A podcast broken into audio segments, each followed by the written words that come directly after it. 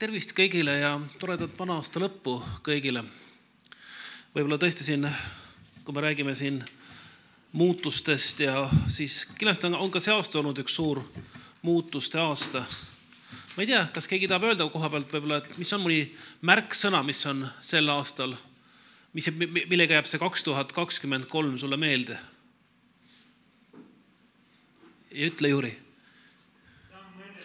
samm edasi. no väga. kui ma, kui ma mõtlen iseenda peale, siis muidugi mul tuleb meelde kohe, koheselt see, et, et kogu see suvi ja see suve lõpp, mis me siin remonti tegime nagu segased täiesti ja, ja ehitasime ja töötasime, nii et, et mulle tuleb kõigepealt see meelde. Ukraina sõja jätkumine on jätkuvalt, tuleb mulle meelde niisuguse noh, natukene kurva sündmusena ja, ja kuidas? samuti, eks ole, see, mis toimus Iisraelis nüüd, nüüd, mis, mis see kuupäev oli, kas see oktoobris oli see või?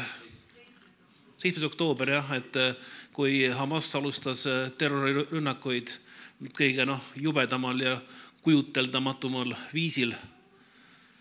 kas midagi tuleb veel meelde sulle selle aasta numbrist, numbritest? mis?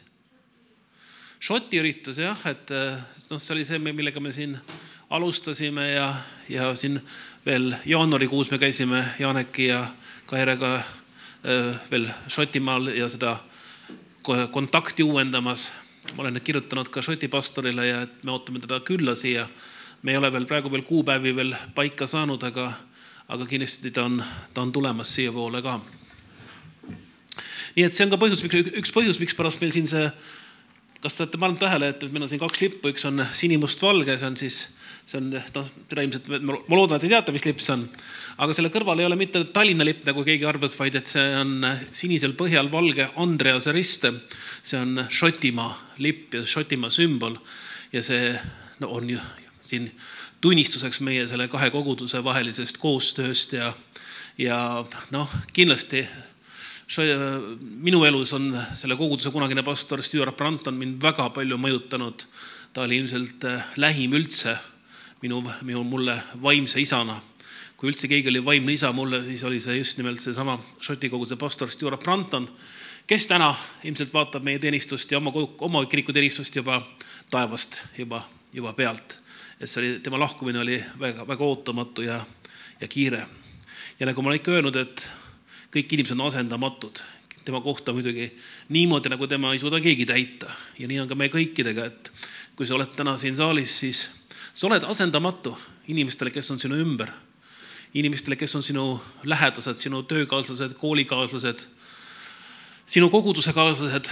see, mida sa siin koguduses oled tegemas või saad tegema, see on asendamatu ja seda ei saa mitte keegi teine teha nii, nagu sina seda, seda teed. nii et see on võib-olla ka, ka niisugune täna hommikune julgustav mõte. ma tahan täna rääkida tegelikult äh, äh, sõnast. ja võib-olla see kõlab kuidagi natuke niimoodi klišeelikult, aga, aga jumala sõna räägib meile väga palju sõnadest. ja võib-olla alustaksime sellest, et me loeme Johannese evangeeliumi algust, mis ütleb, mis on see noh, niisugune kuulus tekst, aga ilmselt on see võib-olla üks sügavamaid äh, vaimulikke ja filosoofilisi tekste üldse. nagu te teate, Johannes on üldse selline evangelist, kes, kes armastab väga sügavuti minna ja väga kõrgele minna. klassikaliselt on ju evangeeliumitel omad sümbolid. Äh, inimene, härg äh, või siis noh, või siis tall teistpidi võttes lõvi. nii et äh, Matteus, Matteuse sümboliks on inimene. Matteus rõhutab tugevalt Jeesuse inimlikku poolt äh,.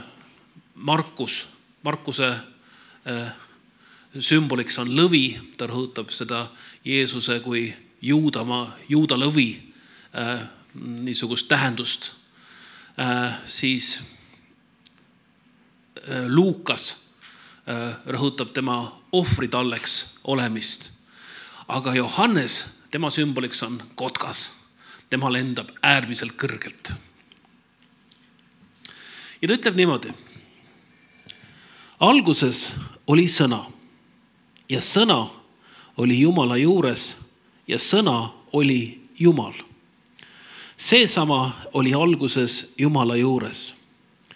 kõik on tekkinud tema läbi ja ilma temata ei ole tekkinud midagi, mis on tekkinud. temas oli elu ja elu oli inimeste valgus ja valgus paistab pimeduses ja pimedus ei ole võtnud seda omaks. alguses oli sõna. sõna on see, mille kaudu üldse see maailm sai alguse või, või käivitus kogu see maailma loomise ja tekkeprotsess. me oleme vahel vaadanud kodus nüüd Netflixist oleme vaadanud seda neid näiteks Morgan Freemani või David Attenborough niisuguseid äh, looduse ja loomise lugusid. ja noh, me võime väga täpselt välja arvutada erinevaid sündmusi maailma ajaloos. aga me usume seda, et see, mis kõik selle käivitas, mis selle suure paugu algatas, see oli sõna teadlased saavad tagasi minna suure paugu algusesse noh, seal, ma ei tea, seal on väga täpsete äh, numbrite ja väga täpsete mõõtühikutega, aga siiamaani nad ei tea, mis selle kõik ikkagi käivitas. kristlastena me usume, et see oli Jumala sõna. kui sa pöörad lahti piibli oma esimestelt lehekülgedelt äh, esimese Moosese raamatust, siis algab see sellega, et ja Jumal ütles, saagu valgus. ja Jumal ütles ja Jumal ütles ja Jumal ütles. Jumala ütlused käivitavad kogu selle maailma loomise ja tekke ja arenguprotsessi. sõna oli see, mis selle käivitas. Miks me räägime täna sõnast?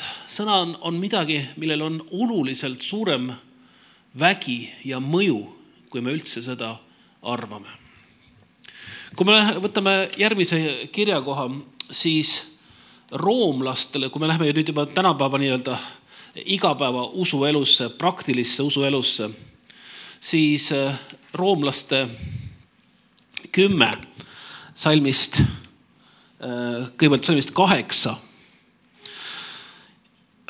Võime hakata isegi natuke eespoolt lugema. hea küll, salmist kaheksa. vaid mis ta ütleb? sõna on sulle ligidal sinu suus ja sinu südames. see on ususõna, mida me kuulutame, sest kui sa oma suuga tunnistad, et Jeesus on issand ja oma südames usud, et Jumal on ta surnuist üles äratanud, siis saad sa õndsaks või uue tõlke järgi ilmselt päästetud. Siis saad sa Jumala omaks, siis saad sa selle lepingu teha ja Jumal, kes teab kõike ja kes mõistab kõike ja, ja noh, ta on kõikjal viibiv, kõike nägev, kõike mõistev. miks ta ei võiks lihtsalt kogu inimkonna pauhti ära päästa? ta ootab, et sinu sõna, ta ootab sinu sõna selle kohta, et sa oled valmis seda vastu võtma, et sa oled valmis seda tegema. Miks peab üldse palvetama, kui jumal teab nagunii kõike? jumal ootab, et sa vabastaksid oma sõnaga tema väe. ja nii nagu jumal, jumal loob maailma, ta ütleb, et saagu, saagu valgus, saagu kõik need muud asjad seal, saagu linnud, loomad, saagu vesi, saagu maakera, ähm, saagu, saagu, saagu iisak ja nii edasi, et kõike seda ta pidi ütlema välja ja siis see sai sündima tuleb välja, et sõnal on olulisem roll, kui me ette kujutame. vahel me, vahel me, vahel me ütleme, et nojah, et need on ju ainult paljad sõnad bla, bla, blablabla, eks ole, mõni inimene räägib tõesti väga palju sõnu, eks ole. aga tegelikult on sõnadel suurem mõju, kui me üldse seda ette kujutame. me vabastame oma sõnadega nii head kui halba. Antud, antud loos ütleb Jumal, et kui sa, et jah, sa võid oma südames uskuda et Jumal on hea, et Jumal päästab, et Jumal vabastab, et Jumal tervendab. aga kui sa seda oma suuga välja ei ütle, siis see, ma ei oskagi öelda, kuidas, siis see, see on nagu, see sinu sõnad on nagu sidur, mis ühendab automootori autoratastega. Noh, kes on autoinimesed teavad, eks ole, noh jah, kui on automaatkass, siis on võib-olla natuke, natuke teistmoodi, aga põhimõtteliselt sinu mootor võib unnata meeletutel kõrgetel pööretel. viis tuhat ja kuus tuhat pööret, pööre, pööret, eks ole.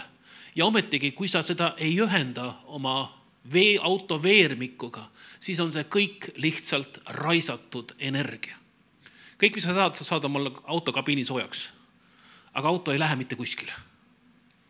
Sa pead ühendama selle oma auto veermikuga. on sul siis, kui sul on manuaal, siis ühendad läbi siduri. kui sul on automaat, sa pead käigu sisse panema, eks ole.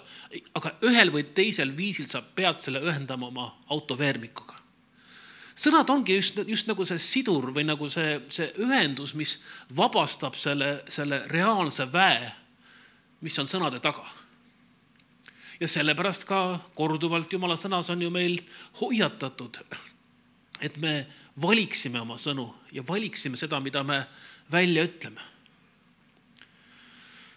kunagi ma mäletan, kui ma kaheksakümne kaheksandal aastal olin oma otsingutel, vaimulikel otsingutel ja, ja töötasin siit ka mitte kaugel Tallinna telemajas siis meil oli seal üks väga huvitav mees tööl, kes on valguse tees käinud, mäletate Samueli Samuel tollel oli isegi kristlane, aga me pidasime Samueliga väga sügavaid vaimulikke vestlusi. ma mäletan, et kuna mina siis noh, tuhat üheksasada kaheksakümmend üheksa sai minust kristlane, väga tuline, innukas kristlane, ma mäletan, kuidas ma ajasin Samuelit närvi kogu aeg oma jutlustega, noh, mida ma talle pidasin kogu aeg. noh, tegelikult on ju tore, et kuskil kümmekond aastat hiljem ta tuli ka ise kirikusse ja, ja ma ei tea, kas ta täna elab kuskil soojal maal või? Ta kolis ära kuskile soojale maale igal juhul ühel hetkel oma naisega ja pärast seda pole tast näha ega kuulda midagi. aga ta oli sihuke noh, äärmiselt huvitav mees, igal juhul tema ütles mulle seda, kui ta kuulis mind, kuidas ma vandusin. ma ei olnud veel noh, kristlane veel ja tema õpetas mind, et kuule, et miks sa kutsud kuratit ligi omale. ja ma mäletan tol hetkel korraga, see oli minu jaoks nagu ilmutus, ma ei olnud ise ka veel kristlane veel.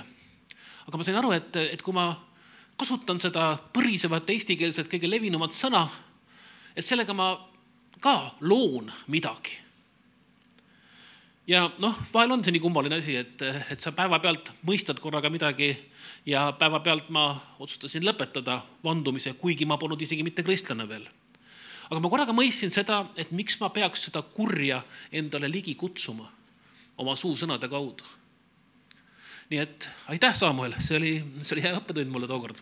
kuigi ei tema ega mina polnud veel kristlased tol hetkel veel ja õnneks saime me mõlemad, mina sain, sain aasta hiljem ja Samuel siis, ma ei tea, kuskil kümmekond aastat hiljem igal juhul ma nägin teda valguse tees ja sealt oli kaua aastat legendaarne uksehoidja. ja ta oli kuulus oma niisuguste üles keeratud vuntside poolest. loodan, et tal on tal siiamaani need alles. aga kui me räägime sõnast, siis, siis roomlastele kümme seitseteist ütlebki ta siis seda, et usk tuleb kuuldust, aga kuuldu mille kaudu? Kristuse sõna kaudu. see sõna peab olema välja öeldud, see sõna peab olema kõlanud. me oleme tänapäeval harjunud sellega, et me kõik oleme, loeme ja kirjutame ja, ja, ja me oleme, noh, ma ei tea, enamik meist ilmselt loeb piiblit aeg-ajalt. on nii või? et ikka vahel puhume tolmu pealt ära ja loeme teda ja noh, iseasi siis, kes loeb teda paberikandja pealt, kes loeb teda tahvli pealt või telefonist või, või mingil muul viisil, ma ei teagi, mis, mis viis veel on. igal juhul noh, sa võid lugeda teda nii elektroonselt kui ka, kui ka paberi pealt.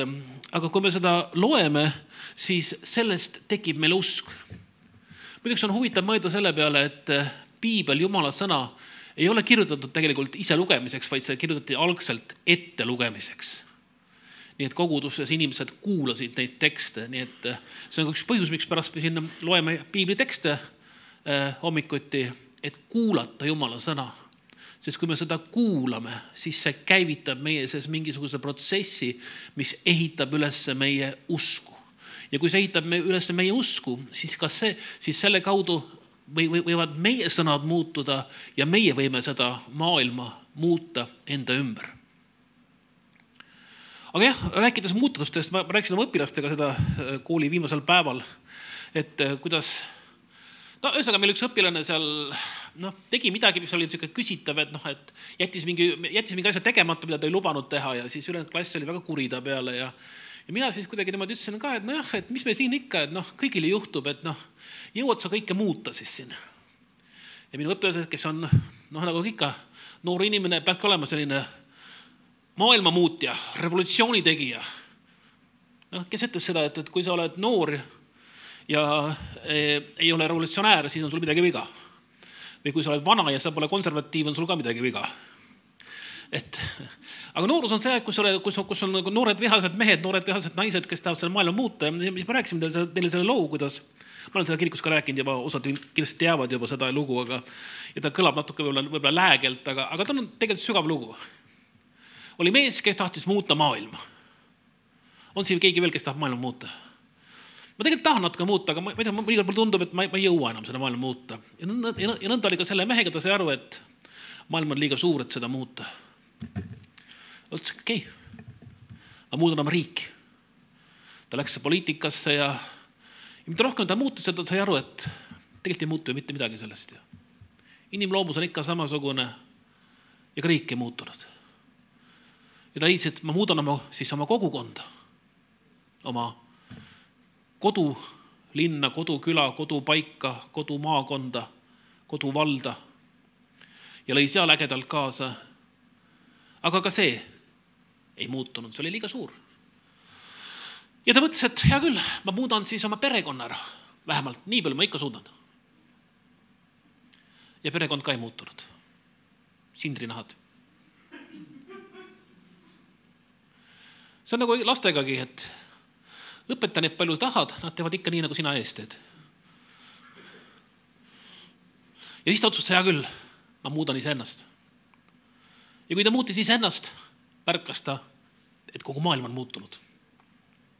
nii et võib-olla see maailma muutmine algabki sellest, et me muudame iseennast kõigepealt ja märkame iseenda asju kõigepealt. nii lihtne on seda, on, on ju seda märgata seda, mida keegi teine valesti teeb. Nii lihtne on märgata seda, mida, ma ei tea mida Heigo või Janek valesti teeb. see on see kõige lihtsam asi, eks ole. või mida, mida ükskõik kes valesti teeb. aga kui, kui, kui, kui lihtne on seda palki iseenda silmas märgata, see on hoopis teine asi, eks ole. aga me räägime täna sõnadest. teise Korintuse kiri, kümnes peatükk ja salm kaheksa räägib Paulus meelevallast. salm kaheksa, sest kui ma ka rohkem hakkaksin kiitlema meie meelevallas, mis issand on andnud teie ehitamiseks ja mitte mahalõhkumiseks, siis ma ei jääks häbisse. ilmselt on meelevald vabaneb läbi meie sõnade. ja meie sõnad on need, mis siis kas ehitavad või lammutavad. Koguja kirjutab juba ka, et aeg antud ehitada, aeg antud lammutada, aeg antud kõigi nende asjade jaoks, heade asjade jaoks kui ka halbade asjade jaoks. ilmselt on sõnadega sama lugu, et sõnad on otse kui tööriistad, kui instrumendid, millega me muudame enda ümbrust. ja ükski instrument iseenesest ei ole ju hea ega halb, vaid ta on hea või halb vastavalt sellele, kuidas tema käeshoidja, käsitleja seda instrumenti rakendab. kas kirves on hea või halb asi? sõltub sellest, mis sa teed temaga. kas sa raiud temaga puid või raiud temaga päid? kas nuga on hea või halb asi, eks ole, jällegi sõltub, mis sa teed temaga. kas tuli on hea või halb asi? Sõltub, eks ole, et, et kas ta on sul maja katusel või ta on sul kaminas. selles on suur vahe ja nii edasi, nii et sõnadega on sama lugu, et sõnadega saab nii ehitada kui ka lõhkuda. ja Paulus ütlebki, et tal on meelevald nii ehitada kui lõhkuda, aga ta ütleb, et Jumal on andnud talle selle meelevalla ehitamiseks, mitte lõhkumiseks ja lammutamiseks. Eh, siinsamas peatükis kolmteist ja salm kümme sellepärast ma kirjutan seda eemal olles, et ei oleks vaja teie juures olles olla range selle meelevalla järele, mille issand on andnud mulle koguduse ehitamiseks ja mitte mahakiskumiseks. Mis tähendab seda, et, et selle meelevallaga, nende sõnadega on võimalik mõlemat teha ja see on jällegi meie valik, mida me teeme oma sõnadega, mida me teeme oma meelevallaga, mis on meile antud. kas me ehitame seda kogudust või me lõhume seda? ja me ja mõlemad, noh, selles mõttes mõlemad, eriti just see lammutamine on võib-olla kõige lihtsam asi. ma vahel, mäletan, ma olen vaadanud neid, noh, ma ei tea, pilte Ukrainast, kus on majad täielikult purustatud. ja kõik, mida oli vaja selle maja purustamiseks, oli üks pomm, mis plahvatas ja mis purustas selle maja, noh, ma ei tea, sekundi jooksul või midagi niisugust aga mõtelge, kui palju läks aega selle maja ehitamiseks, kui palju läks aega ladumiseks, mõõtmiseks, loodimiseks, materjalide paika panemiseks. lammutamine on alati kergem kui, kui ehitamine. ja seda enam peame oma sõnadega valvama seda, et mida me oma sõnadega teeme. Kas me ehitame või me lammutame? kas me kritiseerime ja lõhume ja, ja teeme maha või tunnustame ja julgustame ja ehitame ülesse selles on suur vahe ja vahel on raske teha seda, just seda head poolt. nii nagu maja ehituselgi, see võtab aega. kui lõhkumine võtab aega sekundi, siis ehitamine võib võtta aega aastaid.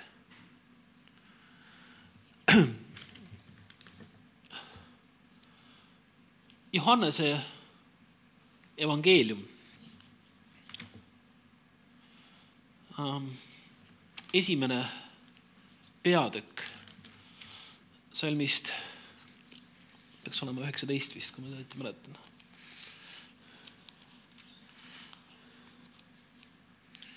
nii et Johannese evangeelium on ära peitnud ennast. ei, ma midagi, ma midagi, vabandust. Ma, ma ei, ei loe oma enda käekirja välja, Jakobus on see.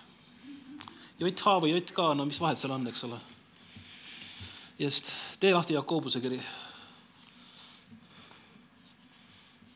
Jakobuse kiri on seal, kus piibel lagu lagunema hakkab.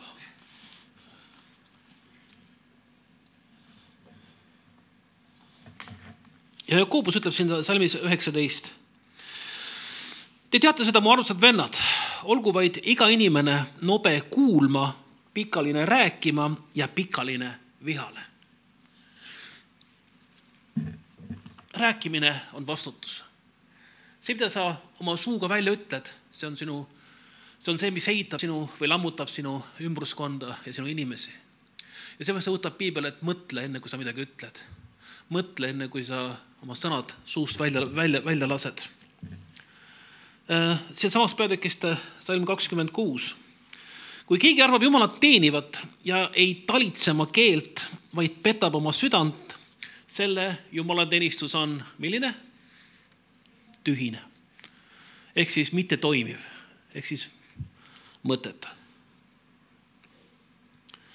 puhas ja laipmatu Jumala, Jumala isa ees on see, et vaeslaste ja lesknaistest hoolitseda nende viletsuses ja hoida ennast maailmast reostamatult. kolmas peatükk. Nojah, salm üks. mu vennad, ärgu püüdku paljud saada õpetajateks, äh, sest te teate, et me saame seda suurema nuhtluse, seda loevad kõik Eesti õpetajad praegu selle kirja kohta. sest me kõik eksime palju ilmselt on ka võimatu rääkida sõnu, mis on alati õiged. ma tunnistan, tunnistan sulle ausalt, et ma ei julge kunagi kuulata oma vanu jutusid, sest ma tean, missugust joba ma olen suust välja ajanud. ma lugesin ükskord koolis oma äh, bakalaureuse tööd, mis ma ülikoolis kirjutasin. ja ma tõsiselt virutasin seal maha, mõtlesin, kes see idioot selle kirjutanud on. see on täis vigu ja lollusi, no ausõna. aga noh eks me kõik muu, oleme muutumise protsessis ja see, neid vigu me, ma tollal ei märganud, kui ma kirjutasin selle töö. imelikul kombel seda ka hinnati suhteliselt positiivselt, seda tööd. aga praegu ma lugesin küll, et see on täis idiootsuseid. Ja tänu Jumalale, kui me hakkame mõistma, kui vähe me teame, tänu Jumalale, kui me hakkame mõistma, on nii, nii palju on neid inimesi, kes tulevad, ütlevad, et oo oh,, see kõik on ju väga lihtne. ma olen kõik selle läbi mõelnud, piibel, no mis, see on ju lihtne asi, võta ja loe ainult ilmutusraamat, mis see on see? millal Jeesus tagasi tuleb? loomulikult, see on ju kõik kirjas siin ju. eks ole, tegelikult näitab see seda, et sa ei ole, sa ei ole asjadest päriselt ikkagi aru saanud ega süvenenud asjadesse, sest mida rohkem ma õpin, seda rohkem ma mõistan, kui, kui vähe ma tean. Aga kõik see, mida me teeme, see on meie sõnade taga. Lähme tagasi sõnade juurde ja no lähme Vana Testamenti, õpetussõnad. õpetussõnad ära kadunud. leidsin. õpetussõnad, peatükk kaksteist. ja salm neliteist. Ja see oli ka üks sihuke, sihukene kuulus kirjakoht oma suu viljast saab igaüks täiesti küllalt ja inimese käte töö tuleb tagasi talle enesele. sinu suuvili täidab sind, sinu suuvili kas ehitab või lammutab sind ja see, mis sa siis teed, tuleb sulle tagasi. see hea, mis sa teed, tuleb sulle tagasi ja see kuri, mis sa teed, tuleb ka sulle tagasi. külvi ja lõikuse seadus. kolmteist peatükk, salm kaks. Oma suu viljast süüakse head aga autumata igatsuseks on vägivald. kaheksateist, kakskümmend.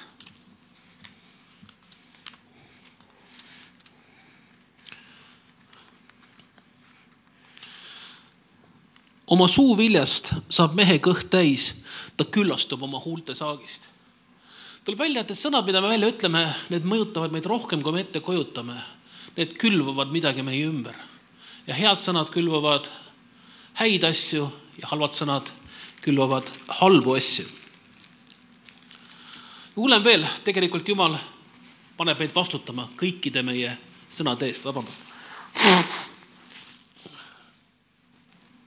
Matteuse evangeelium, peatükk kaksteist.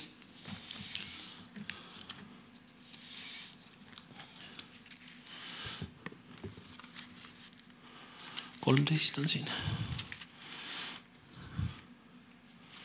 Matteuse keel on kaksteist salmist kolmkümmend viis. tegelikult võime juba hakata varem peale. Jeesus, Jeesus on tõsine motivatsioonikõneleja, ta alustab, pöördub kuulajate poole. Te rästikute sigitis. no me kirikus tavaliselt niimoodi ei pöördu enda poole. kuidas te võite rääkida head, kui te olete kurjad? See, mis on su sees, see tuleb su suu kaudu välja su seest. sellest, mis süda on täis, sellest räägib suu.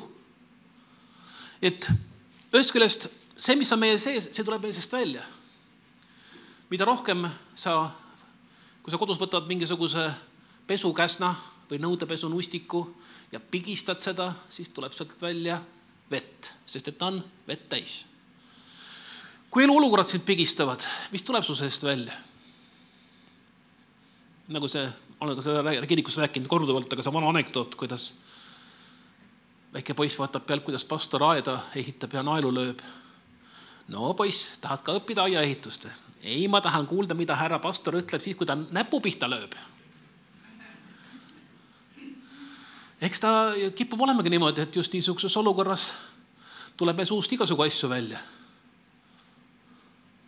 ma siiamaani mul on piinlik, ma ükskord rääkisin kogudusest sellest, mul siiamaani piinlik, kuidas ma ükskord lõin oma auto ukse kinni ja turvavöö jäi ukse vahele ja ma kasutasin, kasutasin seda sõna, kus korra, korraga selg ja jalad oma nime kaotavad. ja minu naabrimees vaatas mind väga šokeeritud näoga teiselt poolt.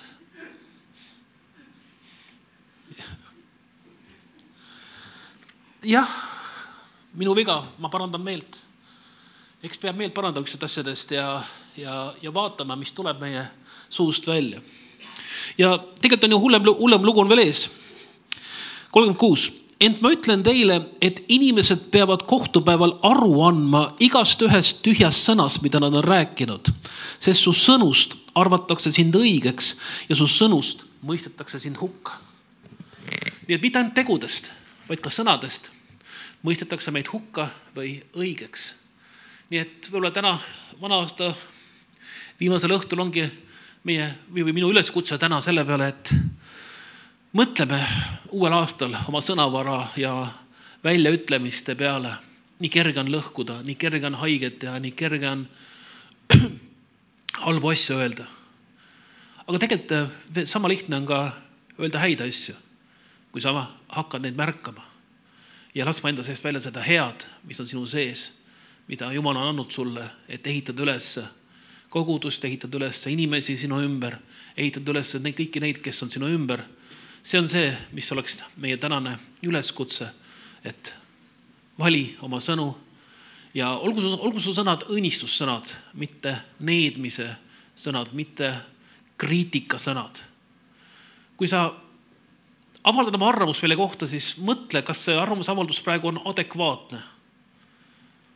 Kui sa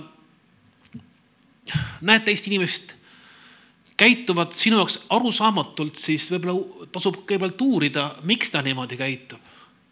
enne kui sa annad talle hinnangu, sest et, et sa oled loll, sa oled paha, sa oled, mis iganes sa oled. enamasti näitab see midagi sinu enda kohta.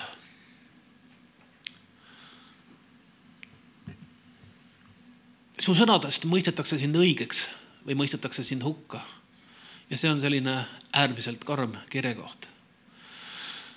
nii et kui sul täna millegist midagi muud meelde ei jäänud, siis jäägu sulle siis meelde see, et vali oma sõnu ja olgu su sõnad uuel aastal ja ka nüüd juba aasta lõpul juba õnnistussõnad ja mitte needuse sõnad. amin